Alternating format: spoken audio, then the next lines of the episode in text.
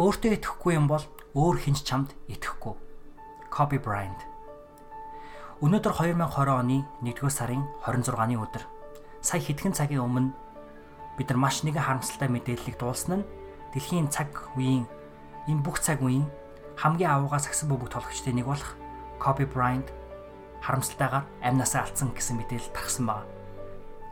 Тэгэхээр зэрэг өнөөдөр бид нар гашуудахын оронд өөрийнхөө амьдралаараа үлгэрлсэн гайхалтай эрхмийн энхүү амьдралын сургамж болсон нэгэн үгээр подкаст эхлүүлж байгаа лээ. Энэ бол Сэхэдэн подкастын 100 дахь дугаар. Энэ бол номын хэлэлцүүлэг. Та бүхэн мань гайхаж магадгүй. Яагаад бэлгүүнээ номын хэлэлцүүлгийг хийж байна гэж. Тэгэхээр зэрэг номын хэлэлцүүлэг бол тайвантай хамтын контент гэж хэлж болно. Тайвантай хамт гэдэг бол өөрөө 2016 оноос хойш Сэхэдэн подкастын хамтран хөтлөгч гайхалтай залуу 58 маань өнөө хүртэл буюу 4 жилийн турш хөтлөлсөөр ирсэн Монголын олон залуучуудад үлгэр жишээ, урам зориг, эрдэм мэдлэг боловсрал олгоцоор ирсэн маш чанартай контентуудын нэг юм. Бид нэр Сэхэтэн подкастыг хийхдээ подкастаа бичээд засаад янзлаад буруу ярьсан бол түүнийг устгаа дахиж яриад гаргадаг бол 58 маань 2016 онд хамгийн анх 55 номын хилцүүлгийг хийхдээ Facebook платформоор шууд амдаараа лайв хийж та бүхэндээ хүргэдэг байсан. Тэгэхээр зэрэг гонигтай, жаргалтай, хүчтэй, хүчгүйгээс үл хамаарч хамгийн гол нь өөртөө итгэж энэхүү контентийг 58 маань хийсээр ирсэн байдаг. Тийм учраас 2020 он гараад бит хоёр маш их өөрчлөлтүүдийг Сэхэдэн подкастыг хийхээр төлөвлөж байгаа. Тэдгээр өөрчлөлтүүдийн нэг бол бит хоёр энэхүү контентуудыг хин хин маань хамтдаа хөтлөх байгаа. Тэгэхээр зэрэг 2020 оны хамгийн анхны номын хилцүүлгийг хийж байгаа хувьд миний хувьд бол үнэхээр зориг зүрэг гаргаж хийж байгаа гэдгээ бас энэ хэлмээр байна а зориг зүрэг гаргах яагаад шийдвэр гаргасан бэ гэхээр 2020 он гарснаар миний хамгийн анх уншсан номнуудын нэг бол Og Mandino гэдэг Америк нэгдсэн улсын зохиолч Аксны бичсэн The Greatest Salesman in the World буюу дэлхийн хамгийн авууга худалдаач нь номны надад өгсөн мэдрэмж үлээ. Тэгэхээр энэ хүү мэдрэмжийг би үнэхээр та бүхэнтэйгээ хуваалцахыг хүссэн учраас таймнагийнхаа энэ хүү гайхалтай контентын платформын ард суугаад зочин нь болоод энэ хүү подкастыг хөтлж явуулах гэж байна. Ингээд хэдүүлээ. Яагаад энэ ном та бүхэнтэй хуваалцах энэхүү зориг зүрх яриад өгсөн бэ гэдгийг хамтдаа олж мэдцгээе. Подкаст руугаа үсэрцгээе. За энэхүү Og Mandino зохиолчийн The Greatest Salesman in the World буюу дэлхийн хамгийн авууга худалдаач номын хэлэлцүүлэг эхэлж байна. Тэгэхээр энэхүү номыг анх 1968 онд зохиолч маань хэвлэж бичиж гаргаж ирсэн бол 1974 онд дахин хэвлэлтэнд орж улмаар National Bestseller буюу Америк нэгдсэн улсын үндэсний хамгийн олон худалдаалагдсан номнуудын нэг бол болж улмаар дэлхийд дахинд маш олон хэлний орчуулагдан хэвлэгдсэн ном болж хувирсан. За тэгвэл яагаад энэ номыг ингээ гарчигнаас нь харах юм бол The Greatest Salesman буюу дэлхийн хамгийн агуу худалдаачин гэдэг номын энэ хүү ном олон сая хүний сонирхлыг татаа зогсохгүй мөн бэлгүүнэ гэдэг одоо миний хувь хүний сонирхлыг мөн татаж би яагаад энэ номыг хэвлэлтэн гарснаас нь хойш маш олон жилийн дараа олж уншсан бэ гэдэг түүхийг бяцхан хуваалцъя гэж бодъё гэж хүслээ. За хэдий номны нэр худалдаачин гэдэг үгийг өөрөөтөө агуулсан ч гэсэндээ номны нүүрэн дээр бас нэг өөр зүйлийг бичсэн байдаг. Энэ нь юу гэж хэлсэн байдаг гэхээр та энхүү мянган мянган жил дамжигдаж ирсэн үнэлж барамгүй мэдлэгийг эртний 10 хуйлаас бичгээс мэдэж авч амьдралаа өөрчилж чадна гэсэн үг нүүр одоо cover дээр нь бичигдсэн байдаг. Тэгэхээр бол яг энийг уншаад бол хэдий энэ ном нь ингээд salesman гэдэг а ном одоо худалдаачин хүний ном гэж би ингээд халт одоо гарчиг нь хараад бодогдох боловч ерөнхийдөө бол одоо дид гарчиг гэж хэлж болох зүйл нь бол амжилтын тухай ном юм байна гэж ингэж ойлголтод хүрсэн. За тэгээд номыг ингээ эргүүлээд харахаар болохоор энэ нь болохоор уран зохиолын ном байсан. Тэгэхээр зэрэг уран зохиолын ном учраас за тэгвэл энэ бол худалдаачин хүний тухай ном юм байна гэсэн одоо ойлголтыг надад анх өгсөн байгаа.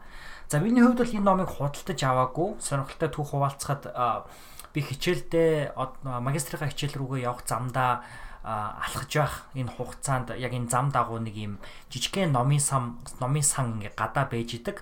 Тэгээ тэр номын сан дотор ингээ хүмүүс өөрийнхөө уншаад дууссан номыг ингээ тавиад бас хүмүүсийн уншаад дууссан номыг аваад ингээ үнгүү ном солилцож идэг тухайн одоо нейберхүүд дундаа тухайн хөршөөд дундаа Тэгээд би тэрүүгээр өнгөрөх болгондоо ерөнхийдөө бол ямар ном байна гэж бол байн гардаг бүр тийм дадал болсон гэж хэлж болно. Тэгээд яг ингээ харж исэн чи энэ хүү Greatest Salesman гэсэн хоёр бот ном байсан. А хэдий бот ном гэж байгаа боловч энэ ном маань өөрөө нэг гарын алганы хэмжээтэй богинохон хуудастай, цөөхөн хуудастай, нэг 100 гаруй хуудастай, нийлээд нэг 250 гаруй хуудастай богинохон ном байсан. Тийм ч учраас 2020 оны хамгийн анхны уншсан номнууд энэ хоёр байсан учраас бол уншихад маш одоо амархан уншилт бол байсан. А гэхдээ бас номны хэлбэр бүтэц хэм маягаас хамаарат а тодорхой хугацааны туршид бол уншихыг бол өөрөө энэ номны зохиогч нь бол хүссэн байгаа. Тэрийг бол дэлгэрэнгүй цаашаа бол ярина. За би бас яг энэ хүү номыг 2020 он гараад уншсандаа бол маш их баярлаж талархаж байгаа. Тэгээ тийм ч учраас энэ хүү номыг бол би хуваалцахыг бол хүссэн. Тийм ч учраас 58-ийнхаа санаачил сэдсэн номын хэлэлцүүлэг гэдэг платформыг энэхүү орчин талбарыг нь ашиглаж энэ номыг ганцаараа хэлэлцэх энэ зориг зүрх гарч ирсэн байгаа. Тэгээд үнэхээр хүн болгонтой хуваалцах ёстой эрдэм аль эсвэл зүгээр санаа одоо юм сануулга тийм ээ ингэх ёстой шүү та мэдж байгаа штэ гэхдээ энийг бид нар нэх хийгээд байдаггүй юм байна энийг санаарай гэсэн энэ хүү сануулгыг та бүхэндээ өгөхийг хүссэн учраас зориг зүрх гаргаж бас таймнагийнхаа энэ хүү платформыг ашиглаж байгаа гэж хэлж болно. Тэгээ 2020 он гараад хүн болгон хилдэг штэ. За шинэ он гарлаа. Энэ жил бол бүр шинэ 10 эхэллээ. Тэгэхээр бол энэ бол одоо шинэ хүн, шинэ бие болох ёстой гэж бид нөр өөрсөндөө амлалт өгч амьдралын том том зорилгоодыг өмнөө тавьдаг.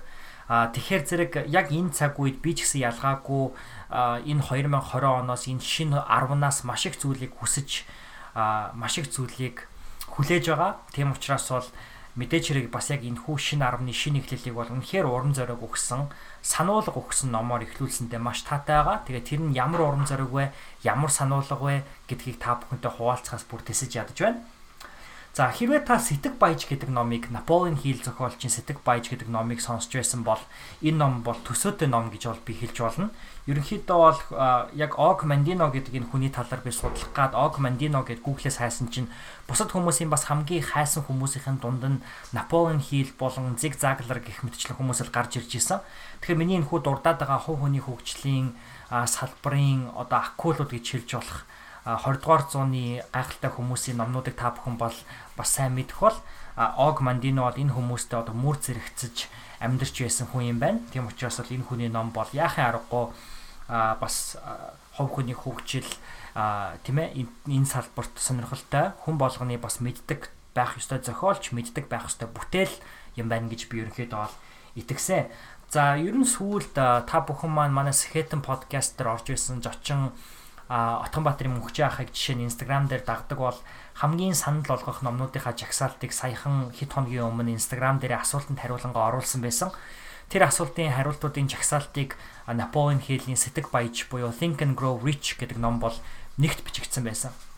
Түүнтэй адилхан би саяхан бас дуртай YouTube-ийнхаа бичлэгийг үзчихсэн чинь 20 эдхэн настай залуу саятан өөрийнх нь амьдралд хамгийн хөөрчлөлтийг бий болгосон ном бол Сэтг баяж гэж бол хэлсэн байдаг. За энэ бол ерөөсөө анхны бөгөөд цор ганц тохиолдол биш. Одоогийн энэ орчин үеийн цаг хугацаанд маш амжилттай байгаа, эдийн засгийн хувьд маш амжилттай байгаа, хөрөнгө мөнгөтэй эдгээр хүмүүс бол Сэтг баяж номыг бол ер нь уншаагүй хүнтэй бол би ерөөсөө таарж байгаагүй.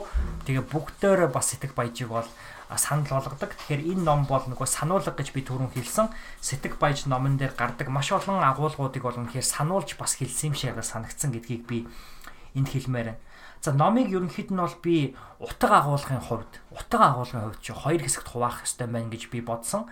За утга тэгээд энэхүү хоёр хэсэг рүү шууд ороход болохоор нэгдүгээр утга агуулга нь юу гэх юм бол түрүүн хэлсэнчлэн энэ бол а уран зохиолын буюу fiction ном.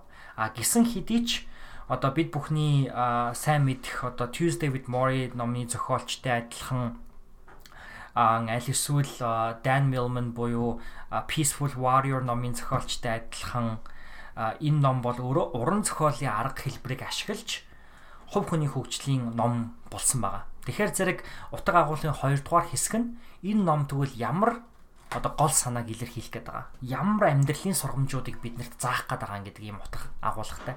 Тэгэхээр зэрэг энэ хоёр утга агуулгын эхний утга агуулга буюу утга зохиол, уран зохиол дээр нь би маш бага хугацааг зарцуулна. А харин хоёр дахь агуулга болох хувь хүний хөгжлийн сургаал сургамжин дээр нь би хамгийн их цаг хугацааг бол зарцуулах байгаа. За тийм учраас шууд хамгийн богинохон одоо зүйл рүүгээ хэсэг рүүгээ оръё. Утга уран зохиолын утга агуулгын хувьд энэ дээр юу гардаг вэ гэхээр үйл явдал бол манай тооллын өмнөх 4-өөс 6 дугаар онд бол өрнөдөг. Тэгээд бүс нутгийн хувьд бол ойрхот орнодод бол өрнөдөг. Тэгээд энэ дээр хафид гэдэг нэртэй тимээчин хүүгийн тухай бол гардаг. Тэгээд тимээчин хүү бол өөрөө уйгаагүй ядуу тийм хүү мэдээч хэрэг маш одоо хэцүү амьдралаар амьдарч байгаа тийм хүү. Тийм ч учраас бол амьдралаа дээшлүүлж тансаг сайхан амьдрахыг бол хүсдэг учраас Paphros гэдэг нэртэй дэлхийн хамгийн агуу худалдаачин дээр очиж та намд надад одоо яаж ингэж агуу худалдаачин болсон арга замаа зааж өгөөч ээ гэж одоо хүсдэгэ.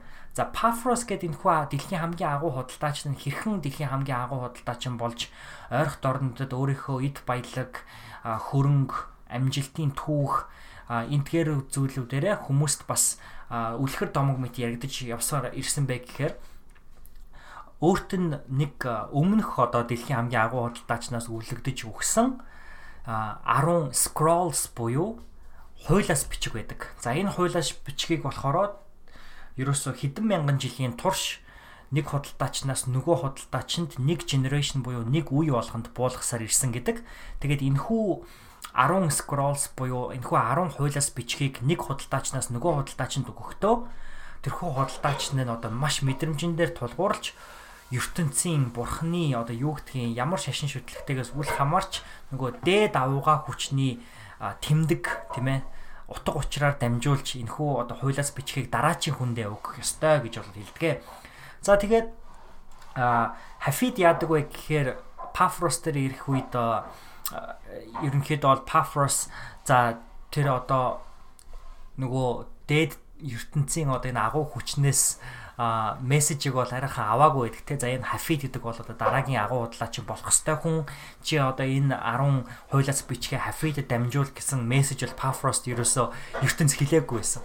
За тийм учраас Paphos хафидыг туршиж үзэхэр шийдэж ойрх нэгэн хот руу очиж худалдаа хийлгэхээр бол явуулдаг тэмээчин хүү хафидыг тэг худалдаа хийлгэхдээ миний санаж байгаагаар нэг дөрвөн ширхэг нөмрөг өгч явуулдаг. За энэ нөмрөг бол өөрөө ийм улаан өнгөтэй, маш өндөр чанартай, маш тансаг ийм нөмрөг.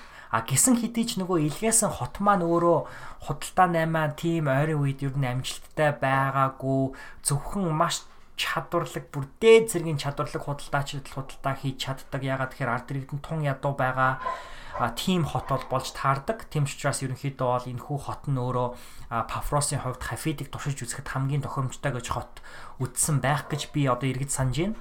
Тодорхой хугацаа өнгөрсөн байна энэ номыг уншсанаас хойш.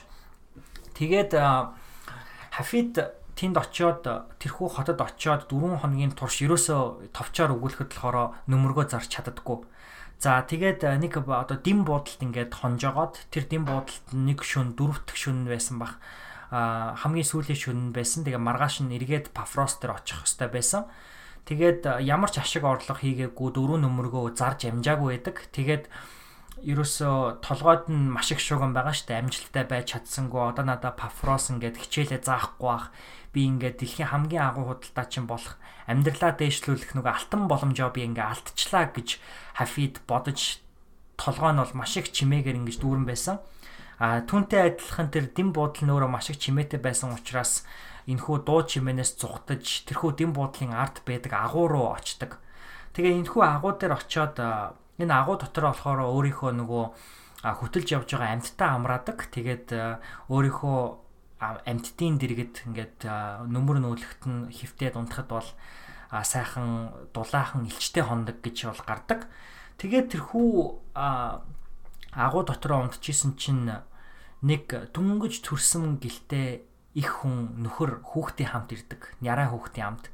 Тэгээ няраа хүүхд бол ерөөсөө ганц ширхэг даавуугаар ингэж бие ороолсон. Ерөнхийдөө бол даарж инуудаа гэлтэй байсан.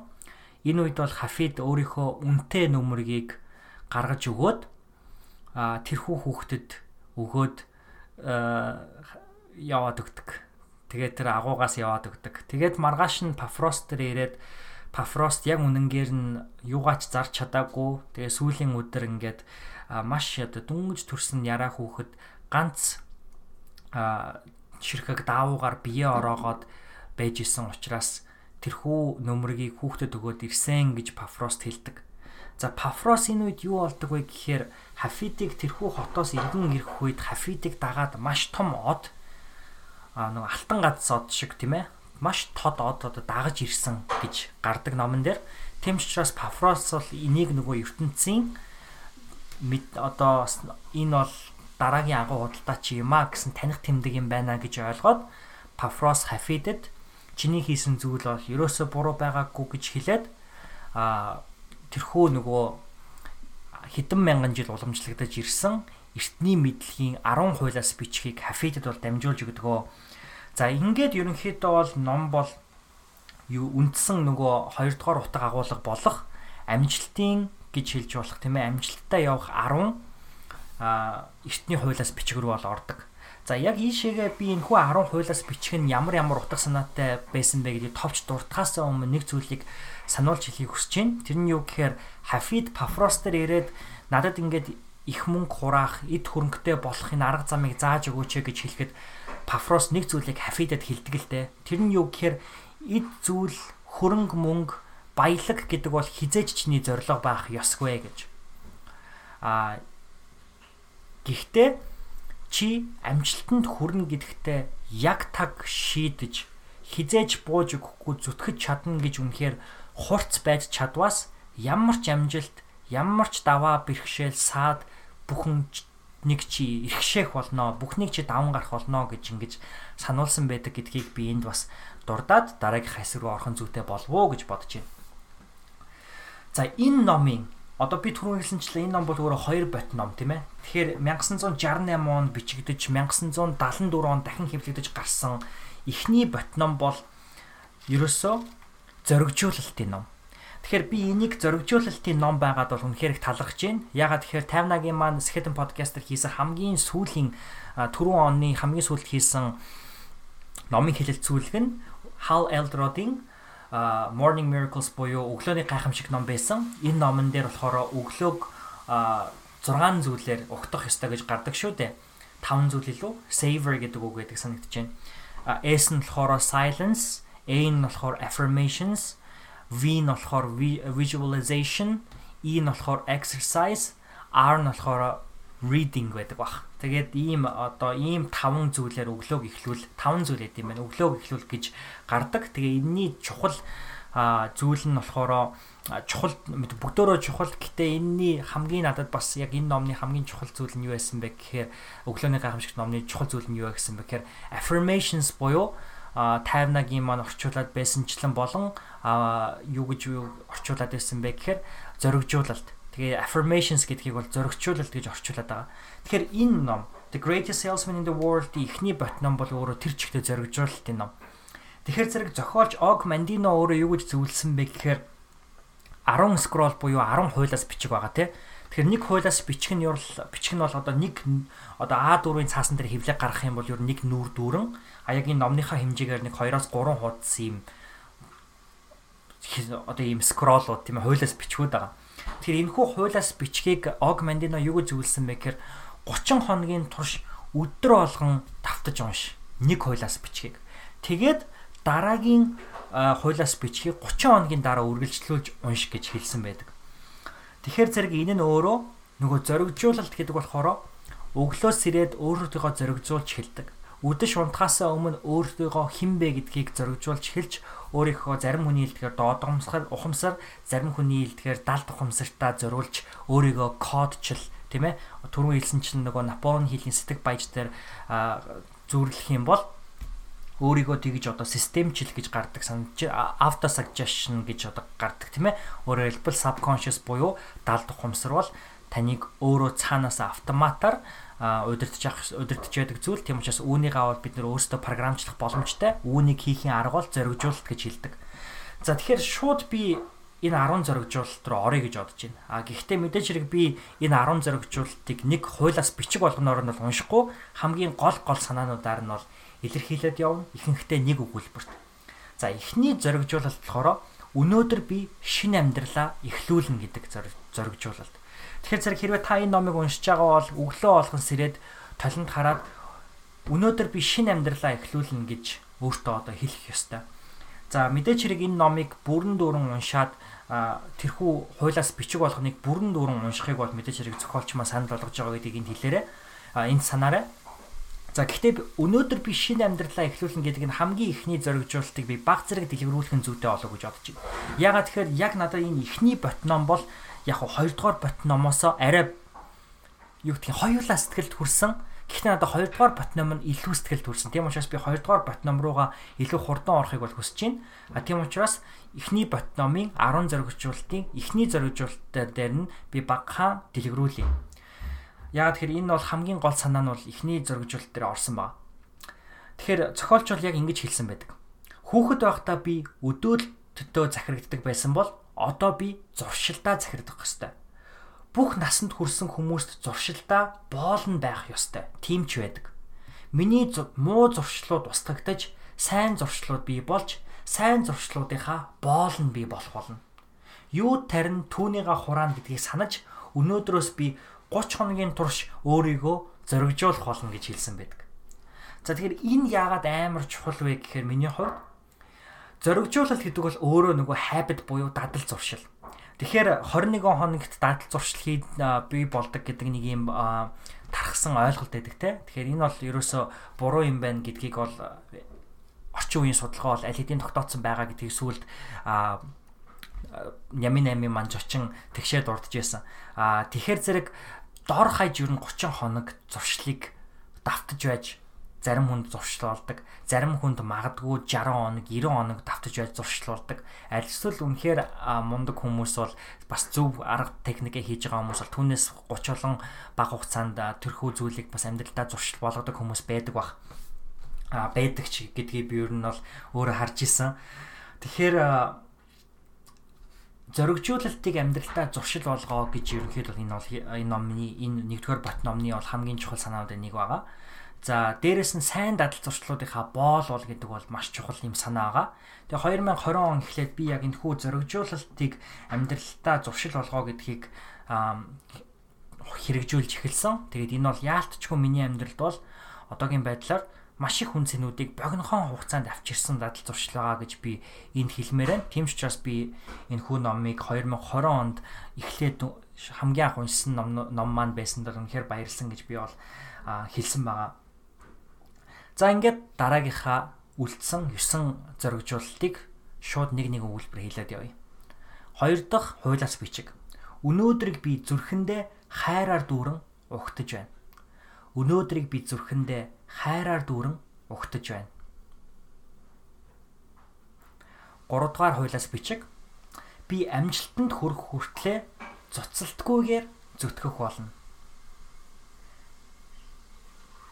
Дөрөвдүгээр хуулиас бичиг би бол ертөнцийн хамгийн гайхалтай зүйл эд шид. 5 дугаар хуулиас бичиг би энэ өдрийг амьдралынхаа эцсийн өдөр мэд амьдрах болно. 6 дугаар хуулиас бичиг би өнөөдөр инээмсэглэж ертөнцийг чимэх болно. 8 дугаар хуулиас бичиг би өнөөдөр ердийн үед бүтээдэг үн цэнэ 100 дахин өсгөж үржүүлэх болно. Би яг энэ мөчөд 9 дугаар хуулиас бичиг би яг энэ мөчөд үйлдэх болно. Яг энэ мөчөд би үйлдэл хийх болно. 10 дугаар хуулиас бичиг би ертөнцийн зааварчилгааг хүсэж залбирах болно. За та бүхэн анзаарсан бол энэ 10 дугаар хуулиас бичиг бол нэлээд тийм залбирах гэдэг одоо энэ үйл өөрөө орж ирээд шашинтай холбоотой зүйл юм шиг болж ирж байгаа. За тэгэхээр энэ дэр би эргээгээд Наполеон хийлийн сэтг баяж ном руу очихыг хүсэж байна. Тэр нь юу гэхээр сэтг баяж номон дээр гардаг нэг гол санаануудын юу нь юу вэ? Гол санаануудын нэг нь юу вэ гэхээр хэрвээ та маш одоо тодорхой зорилготой бол ертөнц танд сэтэл өгдөг гэж гарч ирдэг. За энэ хүү сэтэл бол өөрөө та тэр дор нь ингэж түүн дээрээ хөдлөхгүй бол сэтэл гэдэг зүйл бол өөрөө байхгүй болж устддаг зүйл гэж бол ерөнхийдөө гардаг. Тэгэхээр зэрэг нөгөө гинт ингээ хүмүүс бид нар ярьдаг шүү дээ онгод орчлоо гэдээ маш гоё санаа ороод санаа ороод ирлээ гэдэг. Gary Vaynerchuk-ийн бас нэг хэлдэг үг байдаг л да. Санаа бол өстой юуч тийм ээ. Ideas are nothing гэдэг үг.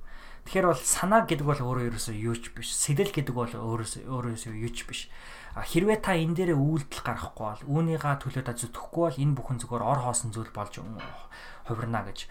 Тэгэхээр зэрэг зүгээр миний ойлгож байгаагаар энэ 10 дугаар зоригжуулалт нь болохоор ертөнцийн одоо танд гинт гарч ирж байгаа энэ хөө сэтэл гинт гарч ирж байгаа энэ санаа оноо гинт гарч ирж байгаа энэ урам зориг эдгээрийг ашиглаа. За ийм зүйлүүд ингээд амьдралд үнэхээр гатсан үед байх юм бол итгээд амьдралдаа талархаад өнөөдөр та 400 триллионны нэг нь болж тийм ээ энэ дэлхий дээр ирсэн учраас энэ амьдралдаа талархаад ертөнцөөс би яг одоо юу хийх ёстой вэ гэж ингэж асуугаарай гэж хэлж байгаа юм болоо гэж би бол бодсон.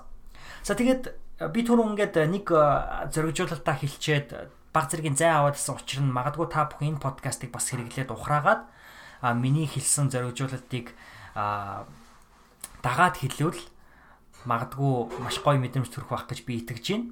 Тэгээ альва зоригжуулалтыг хэлэхдээ үнэхээр чин сэтгэлээсээ сэтгэл хөдлөл эмоцтойгоор хэлэх ёстой гэж янз бүрийн номон дээр бол гардаг. Зүгээр ингээ монотоноор уншаад өнөөдрийг өнөөдрийг би зүрхэндээ хайраар дүүрэн ухтаж байна гэж хэлэх бол ерөөсөө болохгүй гэж байгаа байхгүй. Гэхдээ тэрний оронд бол ерөөсөө үнэхээр итгээд үнэхээр ад жаргалтайгаар тийм ээ өнөөдрийг би зүрхэндээ хайраар дүүрэн ухтаж байна гэдэг ингээд сайхан ингээд Үндэ та ингээд юунд итгэхгүй байсан ч гэсэндээ өглөө та инээмсэглээд ирч хүчтэйгээр урам зоригтойгоор ингээ өөртөө хэлэх юм бол сэтгэл зүүн одоо энэ шинжлэх ухааны талаас л танд бол угаасаа ямар нэгэн сайн үр нөлөө авчих нь бол тодорхой. За би энэ нэгдүгээр бат номон дээр бол нэг их цаг орохгүйгээр хоёрдугаар бат ном руугаа шууд орё гэж бодож байна. Ягаад тэгэхээр түрүүн хэлсэнчлэн надад хоёрдугаар бат ном нь илүү сэтгэл хөдлөл авчирсан. А яагаад үг гэхээр хоёрдугаар бат ном нь илүү сэтгэлгээ буюу майндсетийн талаарх ном байгаа. Хоёрдугаар ботон дээр байгаа mindset буюу 10 сэтгэлгээ нь энийг болохоор амжилтын 10 тангараг гэж нэрлсэн байна лээ. Тэгэхээр энэ хүү амжилтын 10 тангараг нь бидний амьдралд маш их үнцийг авчрахаар 10 тангараг байгаа. Тэмч учраас шууд хэдүүлээ 2 дугаар бат номер руугаа орцгоё. За номны утга агуулгыг ерөнхийд нөгөө хоёр угаад байгаа тий уран зохиолын болон уран зохиолын буш бус гэдэг. Тэгэхээр уран зохиолын утга агуулгын хувьд энэ ном маань яаж эхэлдэг вэ гэхээр түүхээ үргэлжлүүлээд баг зэргийн ярихад болохоор Хафид нэлийн хөгширсэн одоо өвөө олж хувирсан байгаа. За харамсалтай нь Хафид бол өөрийнхөө хайртай бүсгүйг алдсан хайртай бүсгүй нь амьдралын мөнх босыг үдсэн. А тэр цаг үеэс хойш бол Хафид бол ерөөсөө гэртээ үлдээд амьд өгтөл мэт одоо байж ингээ гэрээсээ гардаггүй угаасаа маш их баялагтай хүн ингээд баялаг баял одоо гэр орондоо ингээ зүгээр сайхан гардандаа суугаад цэцэрлэгт хүрээлэндээ суугаад өдөр хоногийг өнгөрөөдөг болсон гэж ерөнхийдөө ном ихэлдэг. А гэтэл зүүдэнд нэг өдөр талигаач болсон хайртай бүсгүүн ирээд өнөөдөр чиний амьдралд нэг зочин ирэх болно. Тэр зочин чиний амьдралд дахин нэг шинэ удаг учрыг өгөх болно гэж хэлдэг. Тэгээд тэр өдөр Хафидын туслах Erasmus а өглөө тэр Хафидтай уулзаад баг зэргийн яриа хийгээд надад ийм зүү зүүдлэгтлээ гэтэл Erasmus өө нэрэ нэг зочин ирсэн штэ би хүлээлгийн өрөөнд байлгаж байгаа гэж хэлсэн чинь Хафид амар гайхаад яагаад Erasmus чи миний командыг мэдэн штэ зочин ирэх юм бол би уулзгаа болсон гэдэг чи мэдэн штэ яагаад чи энэ удаад энэ хүү зочин хүлээлгэхээр болвоо гэсэн чинь Хафидын туслах Erasmus юу гэж хэлдэг вэ гэхээр надад энэ зочны хувьд яагаад ч юм ямар нэгэн зүйл маш их онцгой санагдаад байсан гэж хэлдэг. Тэгээд яалтчгүй энэ хүү нөгөө талигаач ихнэр нь зүүдэнд нь орж ирсэн энэ өдөр Erasmus нэг өдөр командыг зөрчөөд зочныг хүлээлгийн өрөөнд хүлээлгэсэн энэ хоёр зүйл давхцаад Хафид тэрхүү хүнтэй бол уулздаг. За энэ хүн хүн нь болохоор одоо орчин үеийн үг хэллэгээр ярих юм бол тэрхүү зочин нь хэн байсан бэ гэхээр ерөнхийдөө бол менежер байсан. Хүний одоо менежер. Тэгээ юу менеж хийх гэдсэн бэ гэхээр дэлхийд дээр маш олон хүмүүс одоо энэ ойрхон орнуудад ч гэдэг юм уу те маш олон хүмүүс хафидаа суралцахыг бол хүсэж исэн. Тэгэхээр зэрэг уран ихтгэл тавьж энэ тийм сургалт семинар хийж өгөөч ээ гэж ерөнхийдөө бол энэ залуу асуудаг байхгүй. Тэгээд хафид энэ нь өөрт нь маш их урам зориг энэ нөгөө амьдралд нь шинэ утга учир өгнө гэдгийг зүүдэндээ ойлгосон учраас энэ одоо саналд нь зөвшөөрөөд энэ цаг үеэс хойш бол хафид ерөнхийдөө туршилтын байдлаар эн тэнд очиж бол ихтгэл тавьж эхэлдэг. За тэгээд энэ ихтгэл эдгээр зүйл бол эхэндээ бол нэх амжилтгүй хүмүүсийн сэтгэл зүрхэнд хүрч чаддаггүй маш олон одоо зүйлүүд болсны дараа хафид бол маш одоо амжилттай уран илтгэгч за уран илтгэгч гэхээсээ илүүтэйгээр маш амжилттай түүх өгүүлэгч нэгэн бол болж чаддаг. Эхэндээ бол одоо юу гэдгийг зүгээр ингээд ном ном ном хүнд ингээ юм зааж байгаа юм шиг нэг тинг хоёр тиг гэд ингээд хафид маань илтгэлүүдэд тавьдаг байсан бол сүүлдээ үнэхээр өөрийнхөө амьдралын тийм ээ маш одоо ядуу буурай амьдралаасаа өсөж босож ирж сэхэж амжилттай худалдаачин болсон түүхээ бусадтай хуваалцснаар маш олон хүмүүсийн амьдрал бол хурж эхэлдэг. Тэгээд энэхүү өөрийнхөө амьдралын түүхийг эхэндээ менежерийнхаа зөвлөснэй дагуу зөвхөн одоо төлбөртэй сургалт семинар хийж явж исэн бол сүүлдээ энэ бүх одоо мэдлэгээ үнгүү хүмүүст хүргэж эхэлснээр маш олон хүмүүсийн амьдралд хүрж эхэлдэг. Тэгээ маш олон жил энэ амьдралаар ерөнхийдөө бол амьдарсаар Хафид маань ер нь бол амьдралынхаа төгсгөлд очсноор энэ ном бол дуустгаа. За энэ номны яг одоо энэ номны маань уран зохиолоос гадна энэ цаана одоо яг энэ Og Mandinoгийн амьдрал бол надад энэ дээр айгүй гой санагдсан нь юу байсан бэ гэхээр Og Mandino бол эхний бот нэгдүгээр бот номон дээр янз бүрийн одоо зохиогчийн өмнөх үг хэлээгүй байсан бол хоёрдугаар бот номон дээр зохиогчийн өмнөх үгийг бол хэлсэн байдаг. Тэгээд энэн дээр юу гэж хэлсэн байсан бэ гэхээр 1960-аад онд энэхүү зохиолыг бичиж байхдаа Og Mandino бол өөрөө 40-од насны ир байсан. Тэгэхээр зэрэг бол тэр үед бол өөртөө 60-аад нас гэдэг бол одоо ерөөсө төсөөлөгдөхгүй те 60 наснда хүн бол хөгшөрцөн хүн гэж ер нь бол боддог байсан. Гэтэл юу болсон бэ гэхээр 1988 онд энэхүү 2 дугаар бат номоо хэвлэх энэ үед яагаад энэ номыг одоо 2 дугаар бат номоос бичих сэтлэн төрсэн бэ гэхээр өөрөө энэхүү зохиолч Og Mandino маань а өөрөө 60 хэдэн наснда дэлхийд даяар аялаад онгоцоор ийш тийшээ нисээд сургалт семинар лекц тавиад явж исэн. Тэгэхээр өөрийнх нь одоо карьерийн хамгийн өндөр одоо өөрийнх нь карьерийн бас одоо хамгийн амжилттай цаг үеийн энэхүү 60-аад наснд нь болоод байгаа учраас миний одоо дүр хафидэд ч гэсэн ийм хүч чадал байгаа юм байна гэж итгээд энэхүү зохиолоо үргэлжлүүлсэн байдаг. За тэгэхээр мэдээж хэрэг бас маш олон уншигч нараас нь хүсэлт ирсээр байсан юм байна лээ. Мөн ойр ойр гэр бүлийнх нь ойрын хүмүүсээс ч гэсэндээ энэ зохиолынхаа үргэлжлэлийг бичихгүй мөн гэсэн маш их хүсэлтүүд бол ирсээр байсан юм байна лээ. Тэгээ зүгээр миний бас энэ ном яг энийг уншаад надад бас зохиолтой нь баг дүүцхөөс альсэл үүнээс ч илүү гоё санагдсан зүйл нь юу гэхээр ер нь эргээд бас Think and Grow Rich буюу сэтг баяж номон дээр гардаг нэг зүйлүүдийнх нь нэг нь чухал санаандынх нь нэг нь насны айдас гэж байдаг. Тэгэхээр хүмүүс нөгөө fear of age буюу би хөгшрөөд байна гэдэг насны айдсаас болж амьдралаа ерөнхийдөө бол балж хайдаг гэж хэлдэг.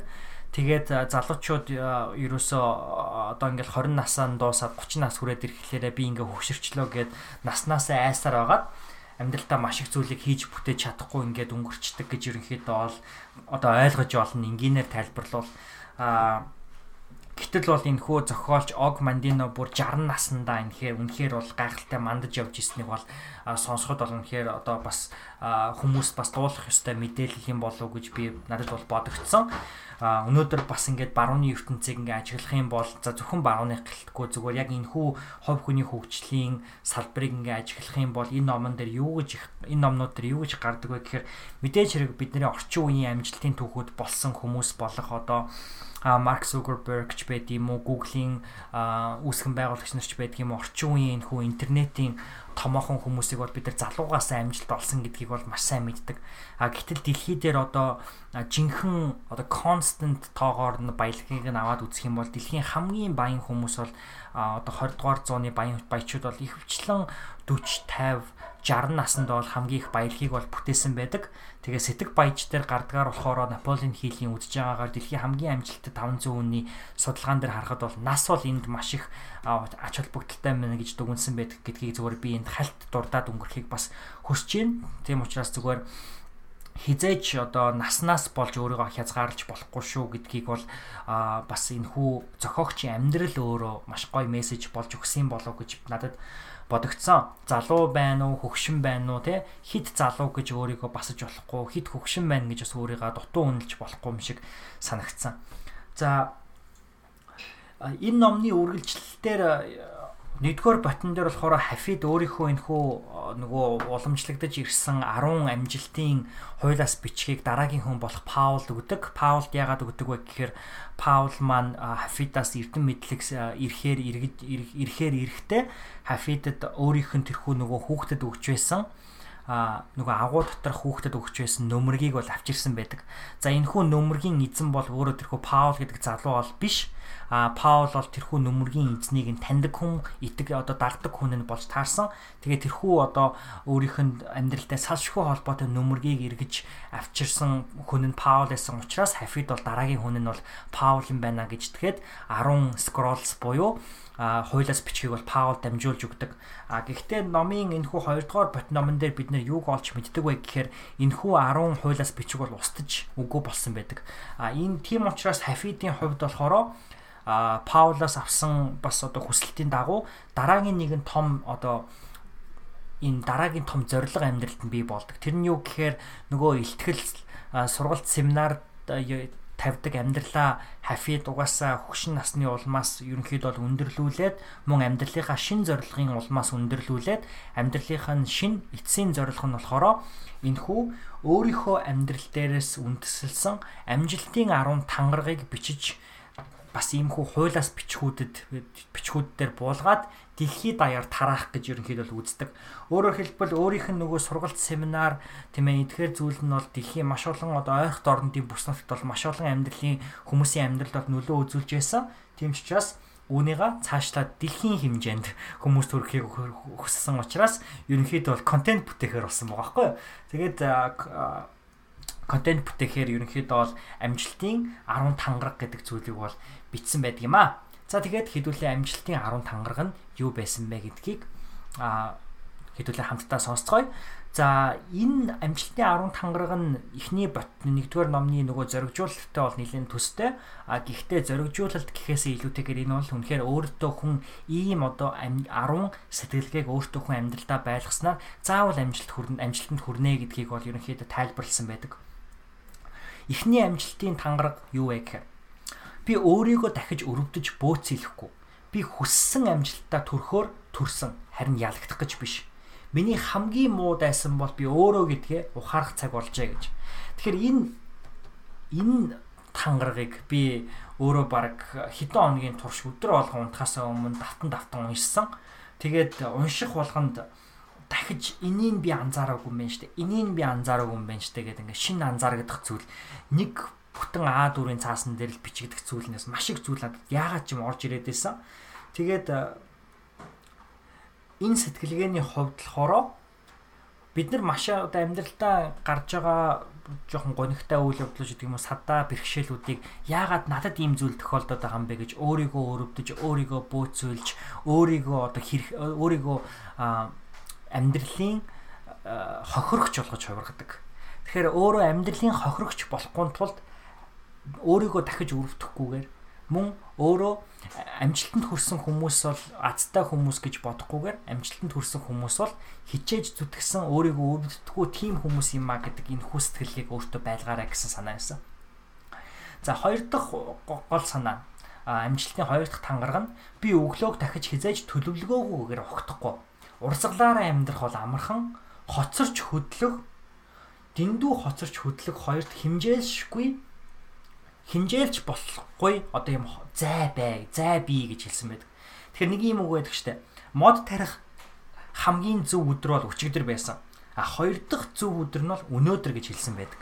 Тэгэхээр бол яг энэ үгийг бол энэ хоёрдугаар амжилтын дүрэн бол надад их санагдуулсан үг байлаа. Тэгэхээр бол өглөө болгоныг төлөвлөгөөтэйгээр ухтаж эхэл гэсэн энэ санаа байсан.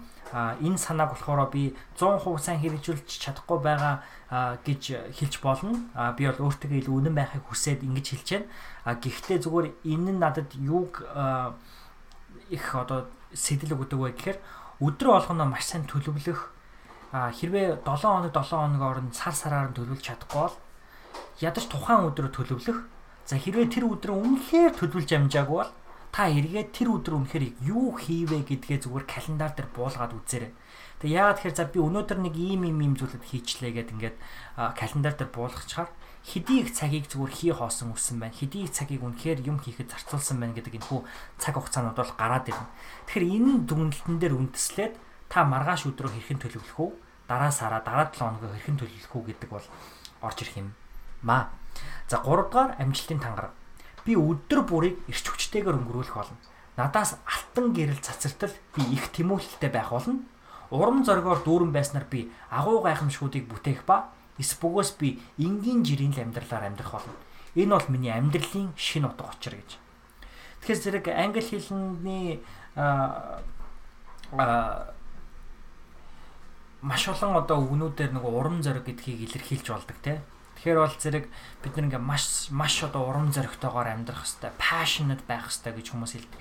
Тэр энийг нөгөө хүмүүс илэрхийлэхдээ маш их юм одоо харьцаж байгаа зарим хүнтэй ингээ харьцахаар цаанаасаа ингээд одоо ингээд шин санаа ингээ нэг хүн ингээ цаанаас ингээ тайлбарлахдаа тэр эндээ үнэхээр ихтгэл үнэмшилтэйгээ тайлбарладаг штэ.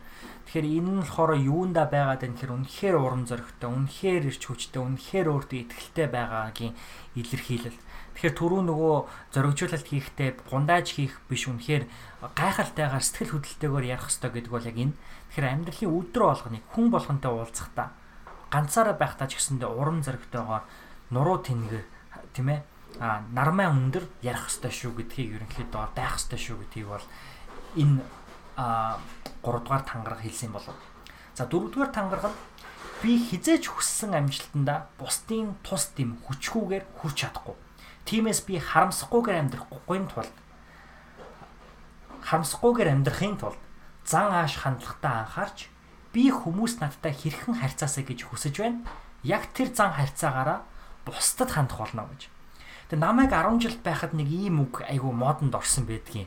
Тэрний үг гэхээр чи надтай яаж харьцна би чамтай тэгж харьцна гэж. Тэгэхээр энэ бол ингээд тухайн үедээ ингээд яагаад модонд ороод ирсэн гэхээр ингээд хүн надтай бүдүүлэг харьцвал би эргээд бүдүүлэг харьцна гэдэг нэг ийм сэтгэлгээ бидний үеийнхэнд байсан юм шиг санагдаа санагдаг. А Америкт ирээд надад хамгийн түрүүнд баг ойлгогдсон зүйл юу вэ гэх юм бол энэ бол маш буруу ойлголт байсан. А эсэргээрээ хүн тантай яг муухай харьцаад байна гэж төсөөлөе те. А гэтэл та тэр хүнд над өөртөө чинь сайхан харьцаасаа гэж хүсэж байгаа. Ямар ч хүн өөртөө хүмүүс сайхан харьцаасаа гэж хүсэж байгаа.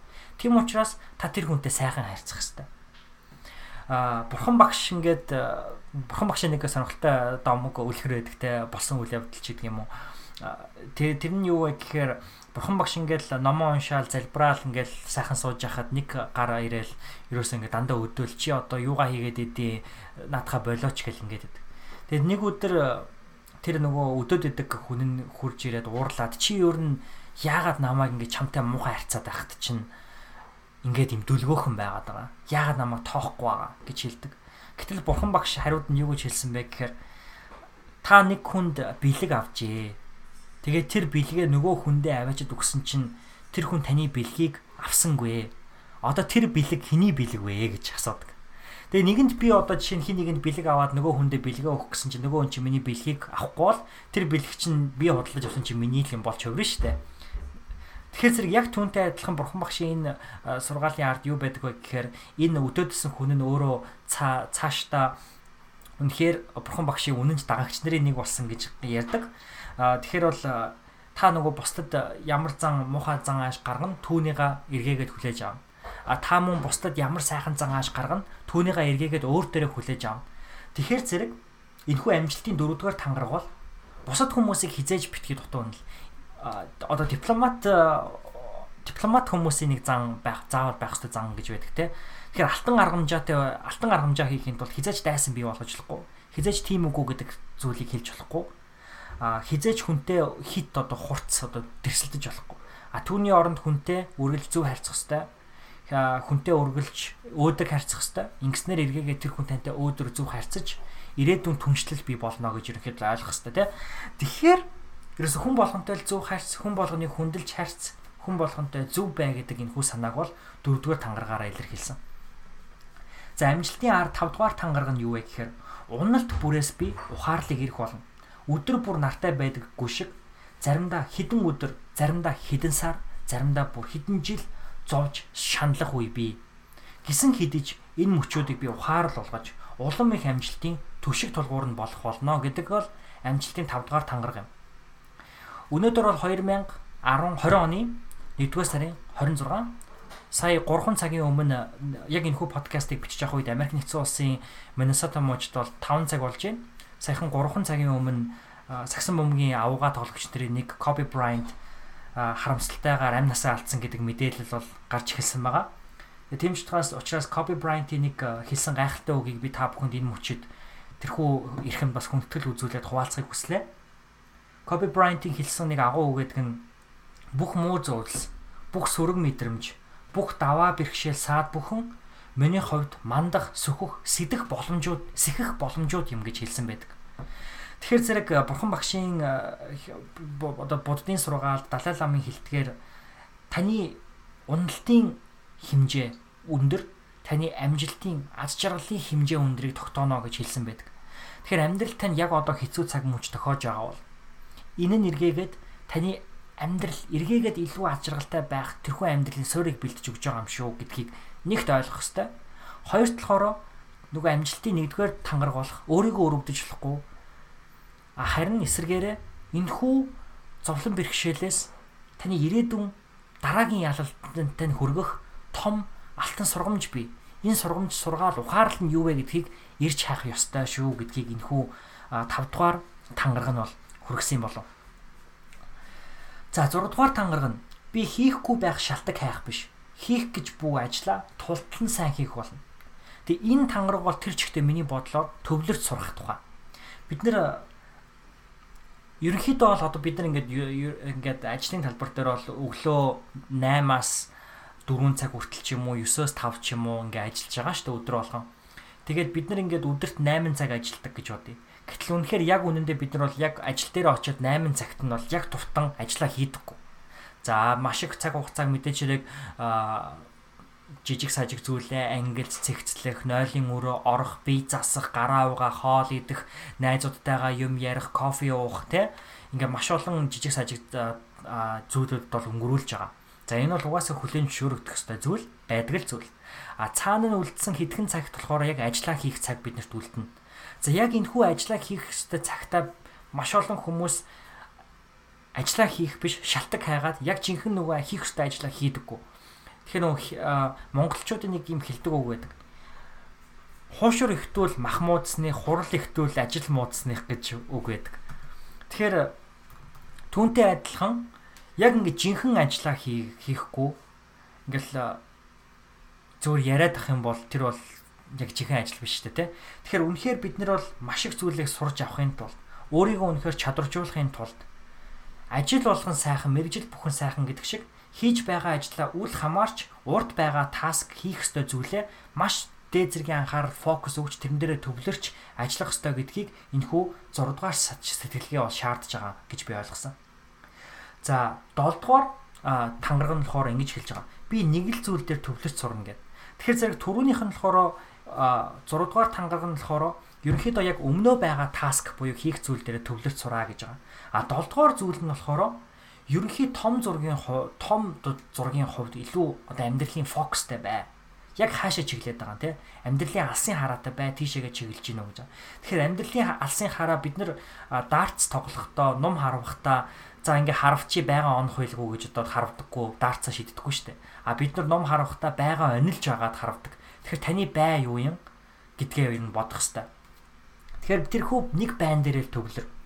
А би дэндүү удаан өөрийнхөө хүч чадлыг олон зүг рүү чиглүүлээд нэг зүйл дээрээ төвлөрсөнгүү гэж өөртөө ер нь бол итгүүл.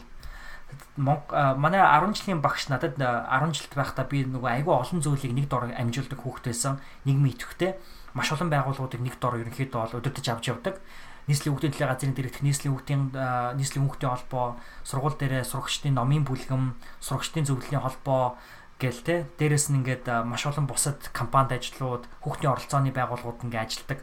Тэгээ дээрэс нь мэдээж хэрэг 10 жилийн сурагч учраас сургуулаа төгснө, сургуулийнхаа аппликейшн анкетуудыг бүглүүлнэ нэгтэй сургуулиудынхаа ингээд маш олон зүйлүүдийг нэг дор хийжсэн. Тэгээ энэ үед манай багш надад яагаад гэдгийг санахгүй. Гэхдээ маш уурлаад чи ямар 10 хар толгойтой атгаалж хар мангас уу гэж хэлчихсэн байхгүй. Тэгээ энэ яг миний хувьд бол яг нөгөө ингээд ийм метафор болоод үлдсэн. Энэ цаг үеэс хойш болохоор амьдралдаа би хит олон зүйл рүү сатаарад байх юм бол би тэр атгаалж хар мангас болохыг хүсэхгүй байна гэж өөртөө сануулж хэлдэг болсон. Тэгэхээр зэрэг би бол энэ дээр бол 100% хамгийн сайн төгс одоо мэдлэгийн сан уул уурхаа бол ерөөсөө биш би энэ дээр өөрөө ерөнхийдөө бол асуудлыг шийдэхин төлөө бол одоо ч гэсэн зүтгэсээр байгаа. Тийм учраас бол энэ нэг бол номын хилэлцүүлэг учраас хэдүүлээ бас хамтдаа хилэлцээ. Яаж хэдүүлээ амьдралынхаа нэг зүйлээр төвлөрдөг болох уу гэж. Яг хөө энэ дэр би зүгээр нэг зүйл дээр эцэст нь яг энэ хүү тангаргийн зүйл дээр товчхон та бүхнээсээ нэг хүсхийг хүсэж байгаа зүйл нь Мэдээж хэрэг бид нар бол залуу байна. Манай подкастыг сонсож байгаа ихэнх одоо сонсогч нар бол залуучууд. Тэгэхээр бол залуу байгаа дээрээсээ бид маш олон зүйлийг бол туршиж үзэх хэрэгтэй. Маш олон зүйлийг туршиж үзэж байгаа нь бид нар ийш тийшээ сатаарад ин гэсэн үг биш. Харин бид нар өөрсдөө таних аялалд явж байна. Тэгэхээр энэ өөрсдийгөө таних аялал гэдэг бол өөрөө бидний нөгөө зориг, алсын харав. Тэгэхээр зэрэг өөрийнхөө энэ хүн амьдралын амьдралыг олохын тулд өөрийнхөө өөрийгөө танихын тулд бид нар маш олон зүйлийг туршиж үзэж байгаа бол энэ бол та амьдралдаа сатаарад байна гэсэн үг ерөөсөө биш шүү. Тийм учраас энэ хоёрын хооронд бас их ялгаатай байх хэрэгтэй байна гэж би бодсон. За, дараагийнхаа тангараг руу оръё. 8 дугаар тангараг нь болохоор би дахиж хизээж боломж гарч ирэхийг хүсэж хүлээж суухгүй. Боломж хизээж өөрийгөө дагаж ирэх амжилт, эд баялаг, цар хүрээний чадвараа өөр дээрээ бичээд духан дээрээ наагаад бидэнд ирдэггүй. Бидэнд дэлгэгддэггүй. Эртний үг байдаг. Тэнэг нь илүү ихийг ирж хааж байхад ухаалга нь бяцхан зүйлээ таашаадаг гэж юм эртний үг байд юм байна. Одоо энэ номны хэлж байгаа. А гэтэл энэ бол буруу. Энэ бол ерөөсө ташаа ойлголт. Яг үнэндээ ухаалга нь улам их боломжийг ирж хааж мулгуу нь байгаадаа л ханаж суудаг. Амжилтандаа бүү хана гэж. Тэгэхээр зэрэг таны амьдралд байгаа хэд их боломж байж болно хэд бага боломж байж болно хэдэж ерөөсөө энэндээ битгий хан дараагийн том зүйл юу вэ дараагийн шат юу вэ дараагийн ахиц юу вэ гэж өөрөөсөө ирж хаа тэгээд бас нэг чухал зүйл нь э, зохиогчийн Og Mandinoгийн хэлснээр амжилт өөрөө маш ингэж жижигхэн байдлаар ингэж харж ирдэг. Өөрөөр хэлбэл хит жижигхэн учраас биднэрт томруулдаг шил байхгүй учраас өөр дээрээ энэ боломж ямар их зүйлийг дагуулж ирэхийг э, дэлгэдэггүй. Хит жижигхэн учраас та тэр боломжийг хэрэглэхээс нааш ямар ямар гайхалтай зүйлүүдийг амьдралтай нь авчрахыг бол ерөөсөө танд мэдэгддэггүй. Тэгэхээр зэрэг энэ нь өөрөө нөгөө миний подкастн дээрээ давтан давтан яриад байдаг сэдвүүдийн дуртай сэдвүүдийн нэг болох амьдралаа системчлэх юм болов гэж би ерөнхийдөө бодож байна. Энэ нь өөрөөр хэлбэл амьдралдаа маш олон ирж байгаа боломжуудад ерөнхийдөө бол нээлттэй байх хэрэгтэй. Дандаа нөгөө э, сониуч байх хэрэгтэй. Энэ яадаг юм бол, энэ юу юм бол, энэ салбар юу нь юу юм бол гэж амьдралдаа маш их сониучаар хандснаар бид нар өөрсдөө маш их боломжуудыг олж хайдаг. Тэгэхээр сониуч биш хүмүүс бол ерөөсөө тэр жижиг сажиг зүйлүүдийг бол ингээд өнгөрөөчдөг те. Тэгэхээр сониуч хүмүүс бол түрүүчийн дугаартаа тэгшээд хоёр ярьжсэнтэй адилхан маш олон зүйлийг сонирхоод үзэжсэнээр нөгөө цэгүүдийг холбож агуу их зүйлийг бүтээдэг. За 9 дугаар тангараг. Би өөртөө дэндүү зөөлхөн байсаар ирж, би өөрийгөө бөөцөөсөөр ирж. Өнөөдрийн номоо бичихдээ би үнэлж дүгнэхгүйгээр номынхаа хавцыг хаахтаа би дэндүү яарч хаажээ. Өөрийгөө өдөр бүр үнэлж дүгнэ гэж Тэгэхээр Benjamin Franklin-ы 13 virtue гэж байдаг штэ тий би нэг өмнө подкастн дээр ярьж исэн. Өдөр болгоны төгсгөлд өдөр болгон жаргах үед өөрийнхөө өдрийг дүгнэж өөрөөсөө асуултуудыг асуудаг.